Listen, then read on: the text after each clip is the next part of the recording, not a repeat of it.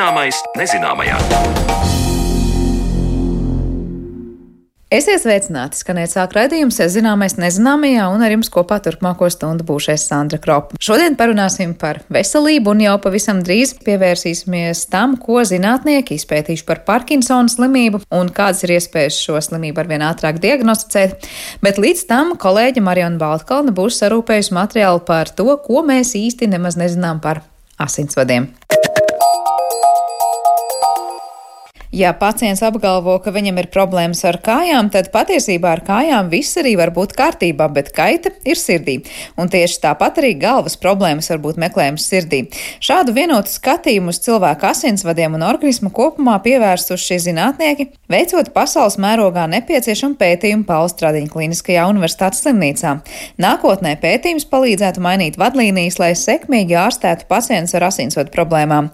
Pār tematu plašāk interesējās Mariona Baltkalna. Droši vien, ka pētniecībā ir dažādi veidi, kā mēs nonākam līdz atklājumiem, bet ģeniālākiem vai mazāk ģeniāliem. Bet jāsaka, ka mūsu pētījums izaug no mūsu pašu sapratnes un pieredzes kur mēs faktiski jutām asinsvadu ķirurgu, ka mēs palīdzam virkni pacientiem, lai viņiem nebūtu kājas amputācija, lai mēs varētu izārstēt asinsvadus kājā, lai viņi nedabūtu insultu, un mēs izārstējam miegartērijas vai izārstējam anērismu, lai tā nepārsprāgtu un pacients nenomirtu. Bet, diemžēl, daudz no šiem pacientiem nomirst pēc operācijām. Un viņi nenomirst ne no kājām, viņi nenomirst ne arī no galvas problēmām, bet viņi nomirst tāpēc, ka viņiem ir infarkts vai viņiem ir kāda cita sirds problēma. Šādi līdzinējo situāciju raksturo Latvijas Universitātes profesors Paula Stradiņa Kliniskās Universitātes slimnīcas asinsvadu ķirurgs un Zinātniskā institūta direktors Dainis Krieviņš. Asinsvadu patoloģijas pacienti Latvijā koncentrējas divās vietās Paula Stradiņa Kliniskajā Universitātes slimnīcā un Rīgas Austrumu Kliniskajā Universitātes slimnīcā. Līdz ar to mediķiem radies priekšstats, kas ar šiem pacientiem notiek ilgstošā periodā, un tas bija iemesls pirms trim gadiem uzsākt pētījumu un saprast, kā tad veicināt pacientu dzīvi ilgi. Tad, tad jūs bijāt uh, operējuši, piemēram, kājas, ja kāju asinsvadus vai miega artērijas, lai atbrīvotos no vienām problēmām, bet sanāk tā, ka kaut kur organismā vienalga kaut kas paliek, nu, es izmantošu šo vārdu apslēpts vai snaudošs, ja? bet vai jums uzreiz bija nojausma, kur tā problēma varētu būt? Jā, man patīk jūsu tas termins snaudošs. Es domāju, ka to es ieviesīšu savā ikdienas praksē, jo tas tiešām ir inčīgs vārds. Nu, jāsaka tā, ka cilvēks nav tā kā mašīna, kur mēs braucam uz autoservisu un pieliekam diagnostisko kastīti, un mums 15 eh, minūšu laikā 160 rādītājus parāda, kur kas ir bojāts. Un tāpēc mums vienkārši mediķiem ir jādomā sistemātiski, lai saprastu, ka ārstējot vienu vietu, var būt problēmas arī citur. Jo mēs jau neārstējam tikai kāju, mēs tomēr ārstējam konkrētu pacientu, konkrētu cilvēku. Nu, lūk, tāpēc mēs labi zinām, ka jāsinsvadu patoloģija attīstās attīstās ateroskleroze, kas bojā asinsvadus, tad viņa bojā visus asinsvadus. Tikai vienā vietā bojā vairāk un vienā mazāk.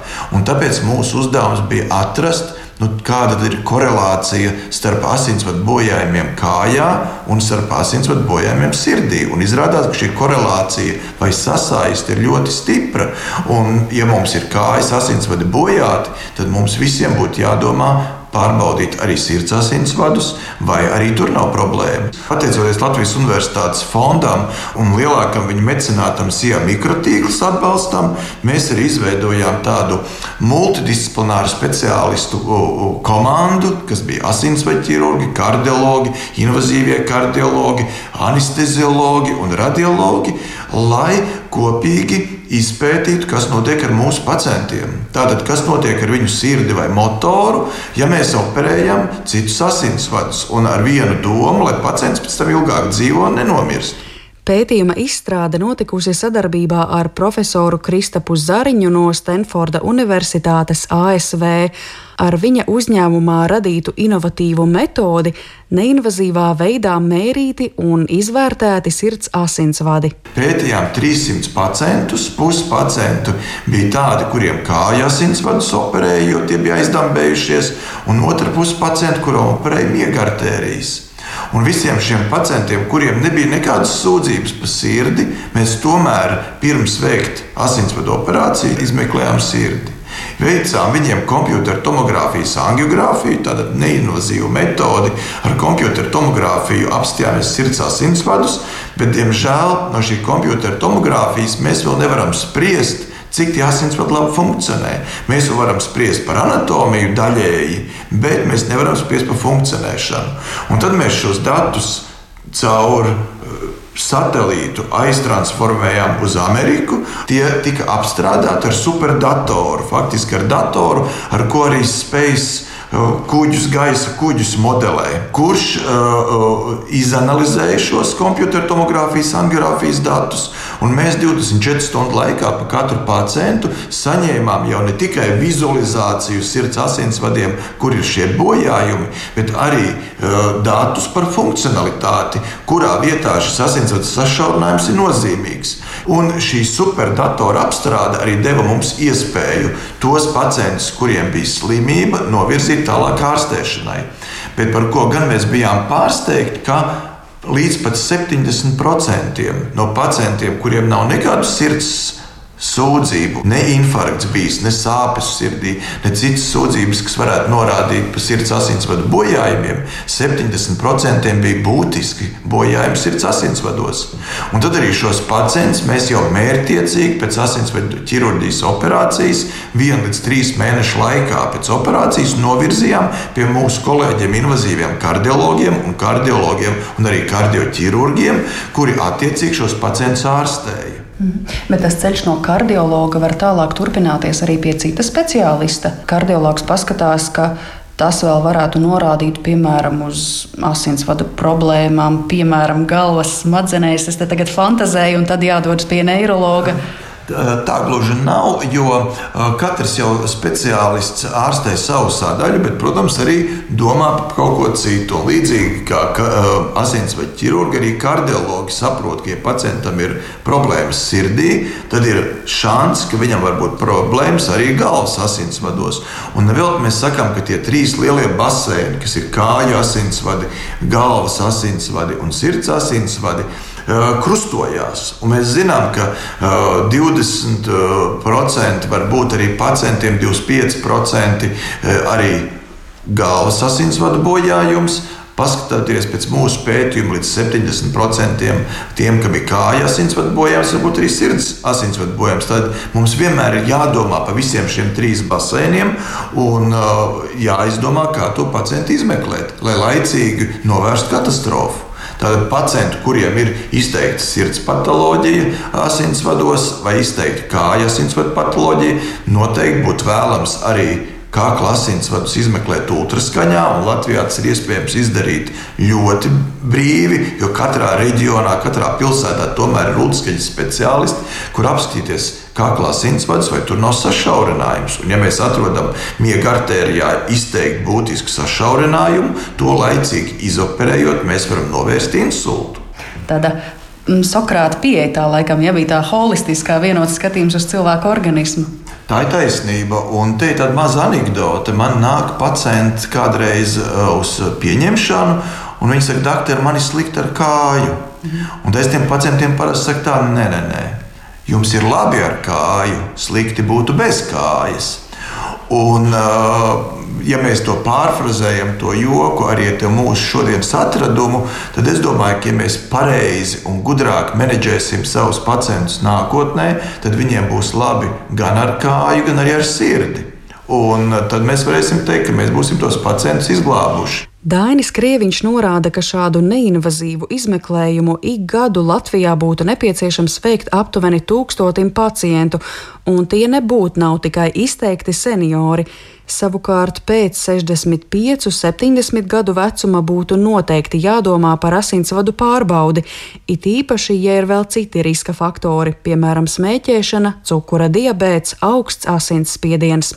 Pētījuma rezultātus plānots nosūtīt Nacionālajiem veselības dienestam, un tas viestu cerību, ka pacientiem, kuriem tiktu veikta asinsvadu ķirurģijas operācija, izmeklētu arī sirdi.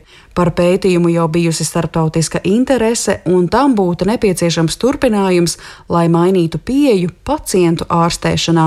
Nevelti jau divus gadus pēc šī pētījuma norises mēs salīdzinot ar to pacientu grupu, kuriem neveic šos izmeklējumus, mēs bijām izglābuši 50 cilvēkus no potenciāla infarkta vai nāves un paralēli vēl tam atradām 21 pacientam arī plaušu vēzi.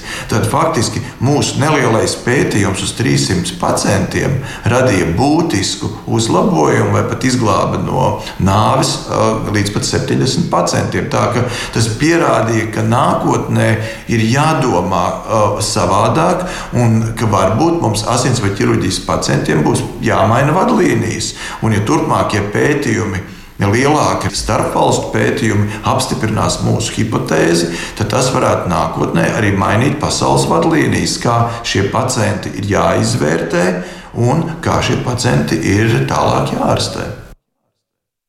Par pētījumu, kas palīdzētu pacientiem ar asinsvadu problēmām, stāstīja Latvijas Universitātes profesors Pauls Stradiņa Kliniskās Universitātes slimnīcas asinsvadu ķirurgs un Zinātniskā institūta direktors Dainis Krieviņš, ar kuru tikās mana kolēģe Mariona Baltkalne.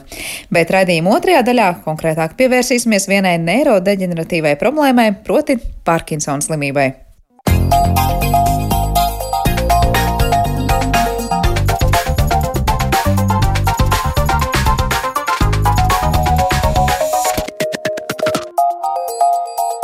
Zināmais nezināmajā. Pirmās liecības par Parkinsona slimību fiksētas jau 19. gadsimta sākumā, tomēr mūsdienās, līdzīgi kā citi neirodeģeneratīvie traucējumi, Parkinsona slimība kļūst par arvien izplatītāku saslimšanu. Taču vienlaikus vismaz rietumu pasaulē zinātnieki arvien plašāk arī pēta neirodeģeneratīvo problēmu cēloņus un meklē risinājumus. Lai runātu par to, ko tad šobrīd zinām un nezinām par Parkinsona slimību un kāda vēl kustību traucējumi var būt saistīti ar smadzeņu darbību. Mūsu attālinātajā studijā mēs esam uz sarunu aicinājuši Rīgas Stradiņu universitātes profesoru, neiroloģijas un neiroķirurģijas katedras vadītāju Andreju Milleru. Labdien! Labdien! Nu, parasti tā saka, tautā runājot par Parkinsona slimību, nu, tad, tad nekontrolēti tur trīc galva un arī rokas un apziņas un domāšanas traucējumi iestājas. Vai mēs varam kaut kādā mērā teikt, mēs liekam vienlīdzības zīmes starp vecuma demenci un parkinsonismu, kas iet gan roku rokā, gan iespējams arī izpausmēs ir diezgan līdzīgi. Kā jūs to teikt? Nu, es gribētu varbūt sākt ar to, ka uh, par neirodeģeneratīvām slimībām vispār, ja mēs runājam šobrīd, ka tā tiešām ir ļoti aktuāla tēma. Un es zinu, ka bijuši arī tēmas par Alzheimer slimību iepriekš jūsu raidījumos. Un tā sliktā ziņa ir eh, ziņa par to, ka smadzeņu slimības, sevišķi neirodeģentīvās slimības, autoimūnās slimības pēdējos gados pieaug. Pieaug populācijā, ne tikai Latvijā, bet pieaug visā pasaulē. Un, ja mēs runājam par šīm neirodeģentīvām slimībām, kas ir Alzheimer slimība un arī Parkinsons un citas slimības, eh, tad viņu skaits tiek prognozēts nākotnē pieaugums viņu skaitā varētu būt pat vairāk kā 40% tuvāko desmitgažu laikā. Un, ja mēs paskatāmies uz tiem literatūras datiem, kas ir šobrīd, tad kaut vai ja mēs runājam par Parkinsona slimību, Amerikas Savienotās valstīs 60 tūkstoši pacientu katru gadu saslims ar Parkinsona slimību. Tas ir pietiekoši liels skaits, Un, ja mēs runājam par šīm nedēļu slimībām, tad visām, gan Eiropas Savienības valstīm, gan arī Amerikas Savienotām valstīm, tā skaitā arī Latvijai, ir jābūt gatavai nākotnē šo pacientu aprūpei, šo pacientu diagnostikai. Un, protams, tāpēc arī šie pētījumi šobrīd ir pietiekoši aktīvi, lai mēs varētu šiem pacientiem ne tikai uzstādīt diagnozi, bet arī ārstēt viņus, ārstēt šīs smadzeņu problēmas, ārstēt etiopatoģenētiku. Ja, un, diemžēl, ja mēs runājam no tā aspekta, tad, protams, tādas zāles, kas izārstē Parkinsona slimību pilnībā, šobrīd nav pieejamas. Tas ir zāles, kas, protams, zāles, kas uzlabo šo pacientu stāvokli, ja mēs šo diagnozi izvirzām un uzstādām, bet jebkurā gadījumā tādas zāles, kas pilnībā likvidē šo dopamīnu deficītu, tādas zāles šobrīd nav. Mēs jau tūdaļ pieskarsimies gan par to cēloņu, varbūt raksturošanu, ko jūs tikko teicāt par dopamīnu deficītu, par ko arī droši vien ir interesanti padomāt un parunāt. Bet tad sanāk tā, ka izplatīta slimība un arvien izplatītāka visā pasaulē kļūst arī Parkinsona slimība. Ir mums iekšēji tomēr tā sajūta, ka nu, tā ir tāda ar vecumu un novecošanu saistītā slimība, un mēs pat vairāk tādas tā kā atrunas dažkārt dzirdam, sakot, nu jā, ko mēs gribam, ja, ja cilvēks dzīvo ilgāk un populācija kļūst vecāka tas skar vairāk cilvēku. Vai mēs liekam tādu kā vienādības zīmi, kā nu, vecuma demence, nu tad uz vecumu ir arī Parkinsonis. Vai tomēr mēs grēkojam ar tādu uzskatu? Nu, es domāju, ka mēs druskuļi grēkojam ar šādu uzskatu, jo, protams, ja mēs paskatāmies no statistikas datiem un literatūras datiem, tad, protams, tā ir slimība vairāk pēc 60 gadiem. Tad, ja mēs runājam par Parkinsona slimību, līdzīgi kā arī demences ir gados vecākiem pacientiem, un faktori bieži vien ir diezgan līdzīgi, kas izprovocē šīs slimības. Tā pašā laikā mēs klinikā bieži vien redzam pacientus ar Parkinsona slimību, kuriem ir 40 gadi un pat jaunākus. Tas, tad mēs tomēr nevaram teikt, ka tā ir vecu, vecu teiksim, pacientu slimība. Ir pacienti, kuriem šī idiopātiskā Parkinsona slimība, kas ir ģenētiska predispozīcija, kur var būt arī izmaiņas Parkina gēnos, un citos gēnos, eh, kuriem šīs slimības simptomi izpaužās pietiekoši agrīni, pirms 40 gadiem. Un tas nozīmē, ka ārstam ir jābūt pietiekoši zinošam, lai ilgtermiņā spētu šiem pacientiem palīdzēt. Eh, tad, tad eh, ilgtermiņā nozīmē medikamentozu terapiju, kas raisa pēc iespējas mazāk blakus.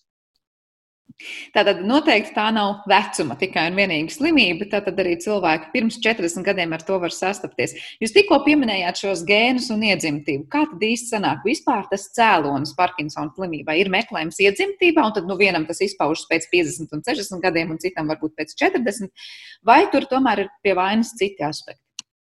Nē, pie, pie vainas ir ļoti daudz un dažādi aspekti. Ja mēs runājam vispār par smadzenēm un par, par, par smadzeņu metabolismu, jā, ja mēs pieskaramies smadzenēm kā orgānam, tad mums jāatcerās varbūt tādas pamat ļoti svarīgas lietas. Ka smadzenes ir ļoti svarīgs orgāns, viņi patērē ļoti lielu daļu no skābekļa, glikozes. Tad, tad smadzenes smadzeņu struktūras savstarpēji ir ļoti cieši saistītas. Un šīs saites, kas, kuras ir balstītas arī uz šiem neiromediatoriem, vielām, kas šīs saites nodrošina, šīs zemgarozu struktūras savstarpējā saistība nodrošina mūsu kustību plasticitāti. Un ja šis disbalans vai kaut kas ar šīm neiromediatoriem nav kārtībā, tad mēs sastopamies ar cilvēku, kuram vai nu ir lēnīgas kustības, vai taisnība otrādāk ir pātrināts kustības, raustīšanās, tiki, ko mēs bieži vien redzam, esenciāls tremors. Ja? Tas nav varbūt. Tremors ir raksturīgs arī pie Parkinsona slimības, taču tajā pašā laikā esenciāls tremors ir pilnīgi cita etioloģija, un tur Parkinsona zāles nepalīdz. Tas nozīmē, to, ka tie etiopatoģeniskie momenti ir pietiekoši sarežģīti, un šeit var būt runa par daudziem un dažādiem šiem etiopatoģeniskiem faktoriem. Oksidatīvu stresu, dzelzceļa deficītu, dzelzceļa uzkrāšanos. Pašos pamatos, ja mēs runājam par Parkinsona slimību, Parkinsona slimības galvenā problēma ir šī dopamīna deficīts. Un šūnas, kas ražo dopamīnu, Tātad iet bojā dažādu faktoru ietekmē, iekaisīgu citokīnu ietekmē, eh, kādu citu triggeru faktoru ietekmē. Tā rezultātā pie pazemināta dopamīna mēs uh, ievērojam kustību, gausumu, ievērojam trīci, ievērojam posturālu nestabilitāti un citus simptomus, motoros simptomus, kas, raksturīgi ir Parkinsona slimība. Jūs teicāt par šo dopamīnu deficītu. Tas nozīmē, ka viens ir tas, ka ir dažādi iekaisumi, kas, ja tā vienkārši izsakāmies, apēd to esošo dopamīnu mūsu organismā un tā vienkārši sāk trūkt, vai mēs vienkārši par maz vispār organisms saražo šo hormonu? Mēs varam teikt, nu, jo nelaimīgāks cilvēks, jo viņam lielāks risks saslimt ar Parkinsonis, jo mēs bieži saistām šo laimes hormonu dopamīnu esamību ar, ar, ar laimes sajūtu. Uh, nu, jebkurā gadījumā, teiksim, tā sliktā ziņa ir tāda, ka mēs vēl līdz galam ne, nezinām uh, tos faktorus, kas tad uh, substanciju nigara to dopamīnu enerģisko sistēmu bojā un kāpēc šīs šūnas iet bojā. To, ko mēs zinām, un tas ir slikti, ka mēs ļoti vēlu ieraugām šo pacientu, kuram ir šis dopamīna deficīts, jau bieži vien tie ir pacienti, kuriem jau vairāk kā 60% šūnas ir gājušas bojā, kas ražo dopamīnu. No tāda viedokļa, protams, mums ir ļoti svarīgi šo dopamīnu deficītu likvidēt, un tādēļ tā pamat, pamatterapija pie Parkinsona slimības ir uh, preparāti, kas satur dopamīnu. Vēl vairāk, teiksim, Jau 20 gadus atpakaļ Amerikas Savienotās valstīs bija zinātnieki, Kolonovs un citi, eh, kuri eh, stereotaks ceļā pārstādīja šūnas galvas smadzenēs, kas sintēzē dopamīnu. Un sākotnēji bija diezgan liela eiforija par to, ka nu, mēs esam Parkinsona slimību uzvarējuši. Jau esam atraduši šūnas, esam spējuši tās transplantēt galvas smadzenēs, tajās struktūrās, kur viņas ir bojātas. Bet izrādās vēlāk, kad ņemot vērā to, ka šīs šūnas ir pietiekoši daudz gājušas bojā, arī šis neiromediātoru disbalans ir pietiekoši liels. Un to, ko es teicu iepriekš, kad visas šīs zemgājas struktūras un mūsu kustību plasticitāte nodrošina neiromediātoru, dopamīns, acetilholīns un citi neiropeptīdi, serotonīns un citas lietas, kas pie disbalansa vai deficīta ļauj teiksim, mums, kā ārstiem, atpazīt šos pacientus, kuriem ir šie kustību traucējumi. Tad sanāk tā, kā jūs teicāt, būtu naivi cerēt, ka vienkārši cilvēkam dodot vairāk dopamīna, mēs to problēmu novērstu. Tad vismaz vēsture rāda, ka tas nav izdevies. Var teikt, ja mums tā maģiski izdotos uzturēt to smadzeņu ķīmiju tādā lieliskā harmonijā un tur viss strādātu ne par daudz, ne par maz, cilvēkiem nemaz nebūtu iespēja saslimt ar Parkinsonas un citām neiroģeneratīvām saslimšanām. Tā ir, var teikt, nu, tāda atslēgas vārds būtu tā smadzeņu ķīmijas, tāda sabalansēta darbošanās. Uh, jebkurā gadījumā, protams, ka tā smadzeņu ķīmija, smadzeņu ķīmijai ir ļoti liela nozīme. Un, protams, ne tikai smadzeņu ķīmijai, mēs runājam šobrīd arī par mikrobiomu, nozīmē arī par, par zarnu floru, kas ir vairāk vai mazāk uh, iesaistās Eh, neirāli imūnās un endokrīnās sistēmas un metabolo ceļu nodrošināšanā tā tālāk. Tā kā faktori, teiksim, faktori kas, kas vairāk vai mazāk ir iesaistīti ja, šajos iekaisīgos procesos, ir ļoti daudz. Jautājums ir tas, kas mums līdz galam nav skaidrs, kas tad īsti ir tas primārais faktors, kas veido šo neirodentīvo procesu pie neirodentīvām slimībām. Protams, tie ir alfa-stimulēna uzkrāšanās un citas lietas, levi ķermenīši, ko mēs bieži vien konstatējam arī pie Parkinsona slimības. Bet, jebkurā gadījumā, līdz galam, teiksim, mēs nevaram šobrīd šīs te savstarpējās saites ar šīm smadzeņu struktūrām nodrošināt. Vai, vai nu, varbūt nepareizi būtu teikt, nodrošināt, bet ja mēs viņus varētu regulēt, regulēt, un šie regulējošie mehānismi pakļautos teiksim, visām mūsu tām medicīniskām darbībām un medikamentozē terapijai. Jā, protams, mums ir medikamenti un dopamīns vai L-dopas preparātus. Mēs visādus uh, levodopas preparātus pielietojam pie, pie šī Parkinsona slimības ārstēšanā, lai kompensētu šo dopamīnu deficītu. Bet atkal man jāsaka, ka uh, nevienmēr šis rezultāts ir pietiekoši efektīvs, jo arī pie šīm zālēm sastopās ar blaknēm, uh, kas bieži vien traucē uh, un ievērojami pazemina šo cilvēku dzīves kvalitāti. Var teikt, ka šobrīd pie ārstēšanas vairāk ir tāda tā cīņa ar sekām, nevis cēloņiem, jebkurā gadījumā ārstējot Parkinsona slimību. Es domāju, ka jā, jo kā jau teicu iepriekš, eh, mēs būtu ļoti priecīgi, teiksim, ja mēs zinātu šos te pamatcēloņus, ja, pamatcēloņus kas izsauc šo šūnu bojājumu. Jo tādā veidā mēs eh, varētu kaut kādā iepriekš eventuāli jau paredzot, teiksim, ka pacientam varētu teiksim, būt šī šūnu bojāja, mēs jau iepriekš varētu, tāpat kā mēs runājam par demenci, ne jau uh, demences diagnozi, bet agrīnu kognitīvu deficītu. Mūsu uzdevums būtu bieži vien atpazīt šo Parkinsona pacientu jau agrīni. Un, protams, ir simptomi, kur, kā piemēram ožas traucējumi, kas uh, norāda par to, ka iespējams pēc kaut kādiem gadiem pacientam, kuriem ir bijuši agrāk anamnēze ožas traucējumi, viņiem varētu attīstīties Parkinsons. Ir arī šobrīd dati par depresiju, ka tādiem pacientiem, kuriem iepriekš ir bijusi depresija, biežāk attīstās šī Parkinsons slimība. Tā pašā laikā mēs runājam par šiem mehānismiem, nedaudz tādu pieņēmumu faktoru, ka tie varētu būt etiopatoģenetiskie faktori, kas tiek pētīti. Tātad oksidatīvs stress, kalcija metabolisms, dzelzs koncentrācijas izmaiņas, arī mitohondrija. Bet eh, jūs runājat tās apkārtējās vidas ietekmes. Mēs tā vienkārši cilvēkam sakot, varētu teikt, tas ir stress vai vidas piesārņojums, vai kāda veida vidas ietekme ir tā, kas var veicināt visas šīs izmaiņas, ko jūs tikko minējāt? Uh, nu, teiksim, ja mēs runājam, uh, agrāk tika uzskatīti, arī, arī šobrīd tiek uzskatīts, ka tie ir pesticīdi, ķīmiskie faktori, kas var ietekmēt uh, teiksim, svins, metāli smagie, lauksaimniecības ķīmija, kas var ietekmēt. Nu, šobrīd varbūt mēs tik daudz to nepielietojam, tā pašā laikā jebkurā gadījumā tiem faktoriem ir nozīme, teiksim, kas varētu būt. Ir pierādīti arī teiksim, toksiski MPTP ķīmiski faktori, ja, kuru rezultātā, teiksim, kas tiek izmantoti dažādos dzīvnieku eksperimentālos modeļos, radot Parkinsona modeļus un pētot Parkinsona slimības etiopatoģenē.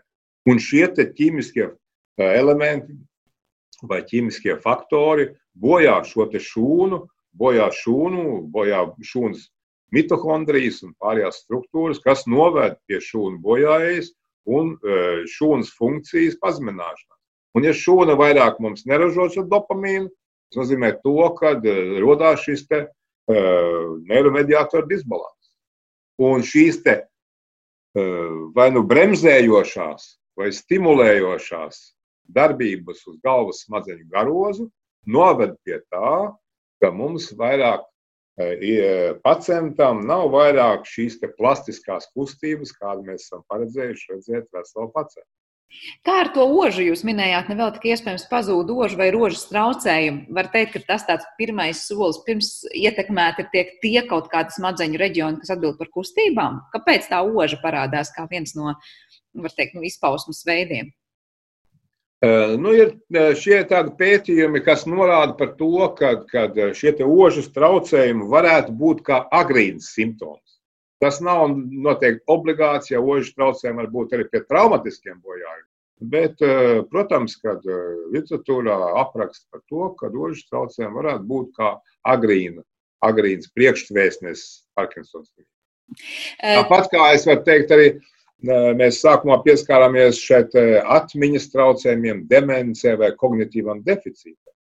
Un arī šeit ir cieši saistība ar Parkinsona slimību, jo bieži vien pacientiem ar Parkinsona slimību vēlīnākās stadijās pievienojās arī kognitīvs deficīts. Bieži vien pacientiem ar Parkinsonu vairāk kā 67 pat līdz 70% pievienojas depresija. Un te mēs atgriežamies pie tā, mēs Parkinsonu, ja mēs raksturojam Parkinsonu ar šiem kustību traucē, tad nemazāk svarīgi mums, kā ārstiem, ir atcerēties arī to, ka Parkinsona slimībai arī šie nemotorie traucējumi, nemotorie simptomi. Ja? Un šie nemotorie simptomi bieži vien pacienta dzīves kvalitāti ievērojami, ievērojami pasliktina.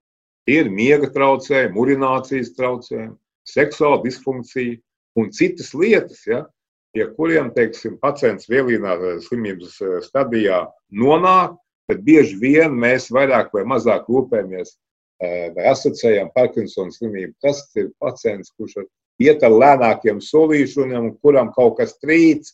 Nu, nevienmēr tie ir tie galvenās problēmas, kuras nodarbina vai nomoka pacientu un viņa ģimenes locekļus.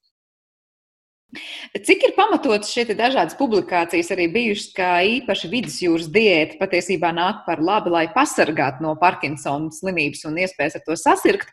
Vai ir saistības starp to, ko mēs parasti piesaucam kā arī sirdī un asinsvadiem vajadzīgo un veselīgo dzīvesveidu un pārtiku? Tas pats attiecas arī uz smadzenēm un noved pie tā, ka ir, piemēram, pazemināta iespēja sasniegt ar Parkinsonu.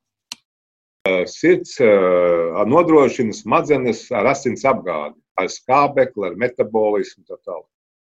Un, eh, protams, ir ļoti svarīgi teiksim, tad, tad, rūpēties arī par sirds veselību. Lai rūpētos par smadzeņu veselību, mums jārūpējas par sirds veselību. Un tad mēs varam teikt arī ne tikai vidusjūras diēta, vidusjūras diēta, bet arī dažs diēta, kas ir antihipertenzīvā diēta, kura ir samazināta sāls daudzumu, arī augļu, dārzeņi, eh, samazināts tauku saturs tā tālāk. Tāpat mēs varam runāt par mājas diētu, kura savukārt ir rekomendēta, lai novērstu demenci un smadzeņu uh, disfunkciju. Kur arī, protams, pārsvarā tiek runāts par, par zaļiem dārzeņiem, ogām, rīkstiem, pilngaldu produktiem, olīvēm, zivīm un visām pārējām lietām. Tas nozīmē to, ko es gribēju to teikt. To, ko mēs ēdam, teiksim, tas, protams, arī ir ļoti svarīgi, jo arī diēta ir sava nozīme. Jo tā daļēji ietekmē arī asinsvadus. Asinsvadu, teiksim, asinsvadu izmaiņas, protams, ietekmē asins apgādi, asins apgādi arī galvas smadzenēs. Un, protams, Parkinsona slimība bieži vien neizpaužās kā slimība, bet kā sindroms arī pie citām saslimšanām. Tā kā es domāju, ka tie faktori, kas, kas, par kuriem mums jārūpējās, tad, tad pirmkārt, ja mēs runājam par to, ko mēs varam paši darīt, Tas ir tas, kā mēs ēdam, cik pareizi mēs ēdam, kā mēs sportojam, cik mēs esam fiziski aktīvi, ja, lai eh, vairāk vai mazāk rūpētos par savu sirds un smadzeņu veselību. Es pieņemu, ka droši vien liela daļa arī par miegu būtu jārunā, vai ne? Cik mēs veselīgi guļam. Tas arī droši vien atstāja iespēju uz to, cik veselas ir smadzenes un cik sabalansēti notiek visi tie procesi tajās. Eh, es domāju, ka tas ir ļoti aktuāls jautājums, sevišķi šī, šī brīža stresa pilnajā laikā. Eh, cilvēki, kuriem ir miega traucējumi, iemikšanas problēmas, miega fragmentācija eh, un daž, dažādi citādāki faktori, kas izsauc bezmiegu, bieži vien, protams, viņiem ir, ir pietiekoši augsts risks ilgtermiņā eh, saslimt eh, gan ar sirds asinsvadu, gan ar cerebrovaskulārām saslimšanām. Jūs arī nos, pirms brīža minējāt šos pesticīdus un vidas piesārņojumu. Tad, klausoties, liekas, nu, pavisam noteikti, kāpēc nav jājautā Parkinsonisms un citas slimības kļūst ar vien aktuālāks mūsu pasaulē, jo nu, to vides nezinu, piesārņojuma avotu mums arī kļūst nemazums un ir gana daudz. Un tajā pašā laikā izskan arī bieži viedoklis, ka nu, cilvēks noveco un jo vairāk mēs un jo ilgāk dzīvojam, jo, protams, ir tā iespēja saskarties arī ar šādām saslimšanām. Kāds ir tas jūsu redzējums, kāpēc šīs slimības kļūst arvien izplatītākas pasaulē? Nu, noteikti viens no jā, tiem viedokļiem, ko jūs jau minējāt, ir viedoklis par to, ka medicīna pēdējos gadu desmitos ir ļoti strauji attīstījusies. Ir parādījušās jaunas tehnoloģijas, ir parādījušās jaunas diagnostikas metodes, ir parādījušās jaunas ārstēšanas iespējas visā pasaulē, arī Latvijā. Nu, vienīgi sliktā ziņa tā, ka smadzenes mēs pagaidām transplantēt nevaram. Nu, tad tās smadzenes, ja viņas e, ir cietušas vai ir faktori, kur rezultātā smadzeņu šī veselība tiek apdraudēta, tad, protams, e, mēs sastopamies ar šīm neirodeģenatīvām, ar demenci, Alzheimer slimību. Tā tālāk mēs pēdējos gados sastopamies ar vien biežāk, un to, ko parāda Pasaules veselības organizācija, ka šo pacientu skaits nākošajās desmitgadēs noteikti pieaugs. Un tas nozīmē to, ka arī šis sociālo-ekonomiskais faktors katrai no Eiropas Savienības valstīm ir jāņem vērā, jo šie pacienti, gan viņu aprūpe, ilgtermiņa rehabilitācija, sociālā aprūpe, tā tālāk noteikti būs tie, kas patērēs milzīgus līdzekļus, milzīgus līdzekļus, kas būs nepieciešami šo pacientu ilgtermiņa aprūpē. Un es varu tikai nosaukt vienu, vienu teiksim, ciparu Amerikas Savienotās valstīs - apmēram 25 miljārdi dolāru uh, gadā sastāda sociālās apdrošināšanas izmaksas un šo pacientu aprūpi. Tas nozīmē to, ka tie naudas resursi, kas būs vajadzīgi šo pacientu ilgtermiņa aprūpē, protams, būs ievērojami lielāki nekā tie ir paredzēti šobrīd. Tā kā skaidrs, ka viens tās izmaksas noteikti pieaugs, jo pacientu skaits nemazināsies. Tad, zinot, ka ir divi, var teikt, tādi faktori, kas to saslimšanu tad, nu, tiešām veicina. Tas ir gan tas, ka mūsu dzīvības paildzinās, gan arī tas, ka, ka apkārtējie vidas faktori, ko jūs minējāt, protams, nu, nav sveši, es domāju, nevienam. Kā ir ar situāciju Latvijā? Vai tiesa, ka mēs par maz vispār apzināmies un zinām, kas notiek ar to, cik mums ir šādi pacienti, kuriem ir Parkinsons vai citas neiroģeneratīvās saslimšanas? Un, mēs par maz pievēršam uzmanību šīm slimībām. Jā.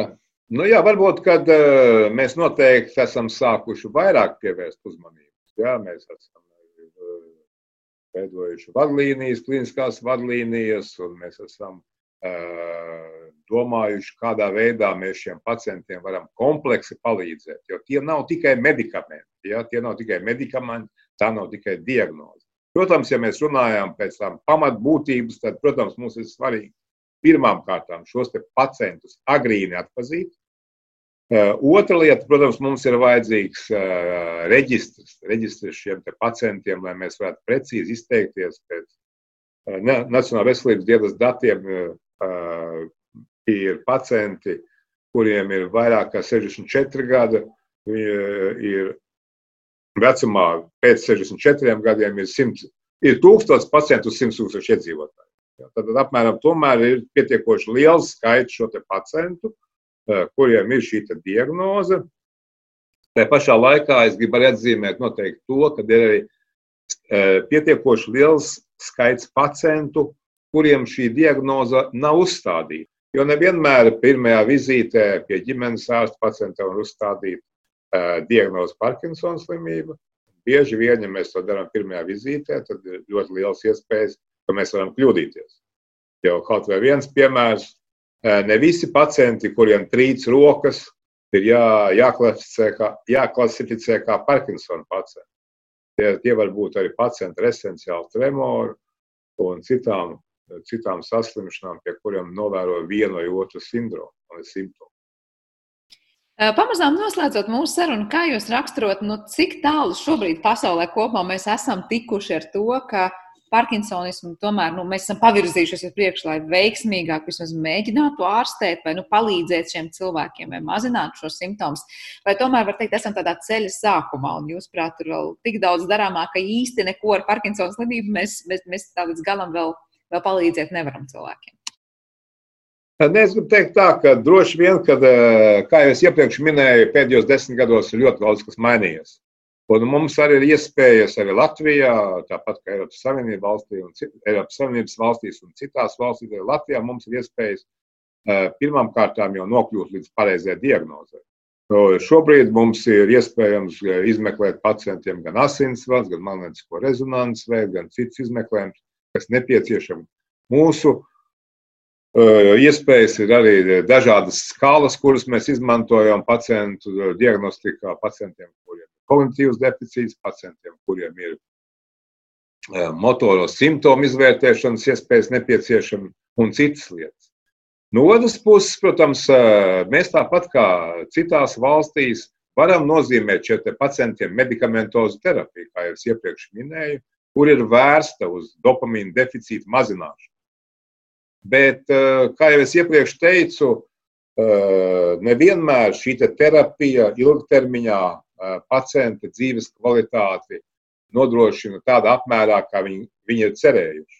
Un tādēļ, protams, šīs te, blaknes pēc medikamentozes terapijas bieži vien ir liels ārsta izaicinājums. Tas pats attiecās uz arī nemotoro simptomu korekciju pacientiem ar Parkinsona slimību. Protams, kad arī mūsu klīnikā, es varu teikt, Sadiņas slimnīcā, mums ir bijuši pacienti, kuriem mēs esam veikuši operatīvu terapiju, tādējādi mazinot pacientam šīs sūdzības un patiešām iegūstot ļoti labus rezultātus. tātad veicot šīs operācijas vai jā, dziļo smadzeņu struktūru stimulāciju. Diemžēl šobrīd šādas iespējas mums nav, jo nav pietiekoši finansējums, lai šīs operācijas veiktu. Te pašā laikā es varu apliecināt, ka arī neiroķirurģijas klīnika kopā ar neiroloģijas klīniku Sadiņas slimnīcā noteikti ir gatava šādas operācijas veikt, jo tāda pieredze mums ir. Un tas ievērojami, protams, šiem pacientiem, kuriem šī medikamentozā terapija savas iespējas ir izsmēlusi, tas ievērojami uzlabo dzīves kvalitāti šiem pacientiem.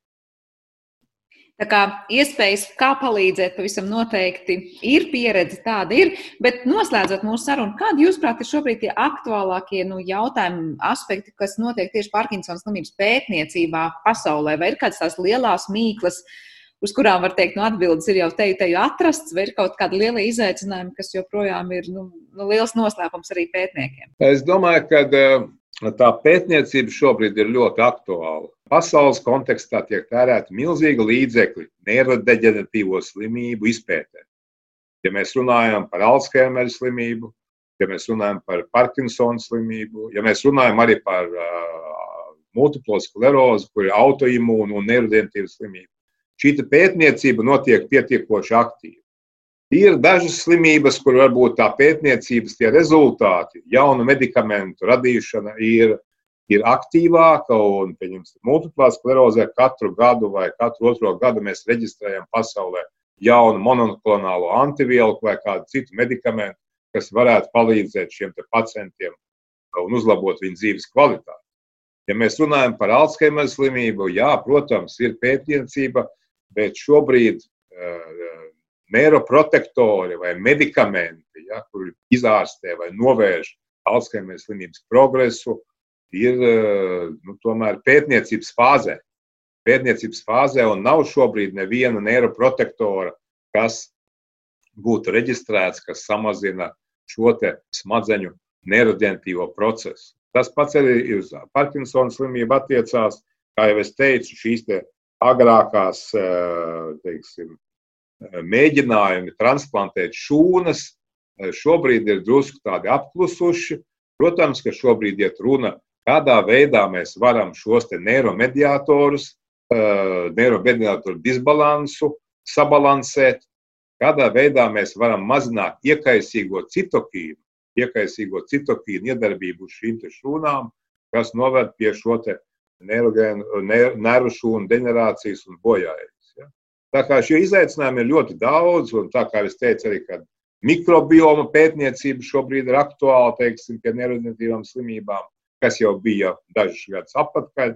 Tā kā es domāju, ka da, daudzas lietas šobrīd ir tādā uh, izpētes stadijā, bet es gribētu teikt, aktīvā izpētes stadijā, un mums atliek cerēt, ka tuvākā laikā parādīsies medikamenti, uh, kuri, uh, teiksim, vairāk vai mazāk pārliecinoši var palīdzēt mūsu pacientiem ilgtermiņā teiksim, uzturēt šo te viņu dzīves kvalitāti, neraugoties uz to, eh, ka smadzeņu neredentīvais process turpinās pie dažādu faktoru izraisītiem faktoriem. Eh, bet es ceru, ka nākotnē mums būs eh, labas ziņas mūsu pacientiem, un, un arī pacienti apzināsies, ka ļoti svarīgi ir arī smadzeņu veselība, darīs visu iespējamo, būs fiziski aktīvi, domās par, par savu uzturu un kā mazināt stresu un citus faktorus, kas, protams, ietekmē arī mūsu smadzeņu darbību. Jā, nu šis tāds uzskatāms piemērs tam, ka, lai uzturētu smadzenes labā formā un tās tiešām justos, ja tā var teikt, labi, mums pašiem ir jādzīvo gan veselīgu un pilnvērtīgu dzīvi un jājūtas labi, lai arī visas mūsu šūnas justos labi. Teikšu jums lielu paldies par šo sarunu un tiešām cerams, ka viss tas, ko jūs minējāt, pie kā šobrīd aktīvi strādā pētniecībā, pavisam drīz radīs risinājumu, pielietojumu risinājumu tik ļoti daudzu cilvēku dzīves kvalitātes uzlabošanā. Atgādināšu arī mūsu klausītājiem, ka šajā raidījuma pusstundā mēs dzirdējām Rīgas Tradiņu universitātes profesoru un neiroloģijas un neiroķirurģijas katedras vadītāju Andreju Milleru. Ar to arī šis raidījums ir izskanējis. Paldies par klausīšanos! Klausīšanos un atgādināšu, ka mūsu raidījumu var dzirdēt arī populārākajās podkāstu vietnēs. Uz tikšanos!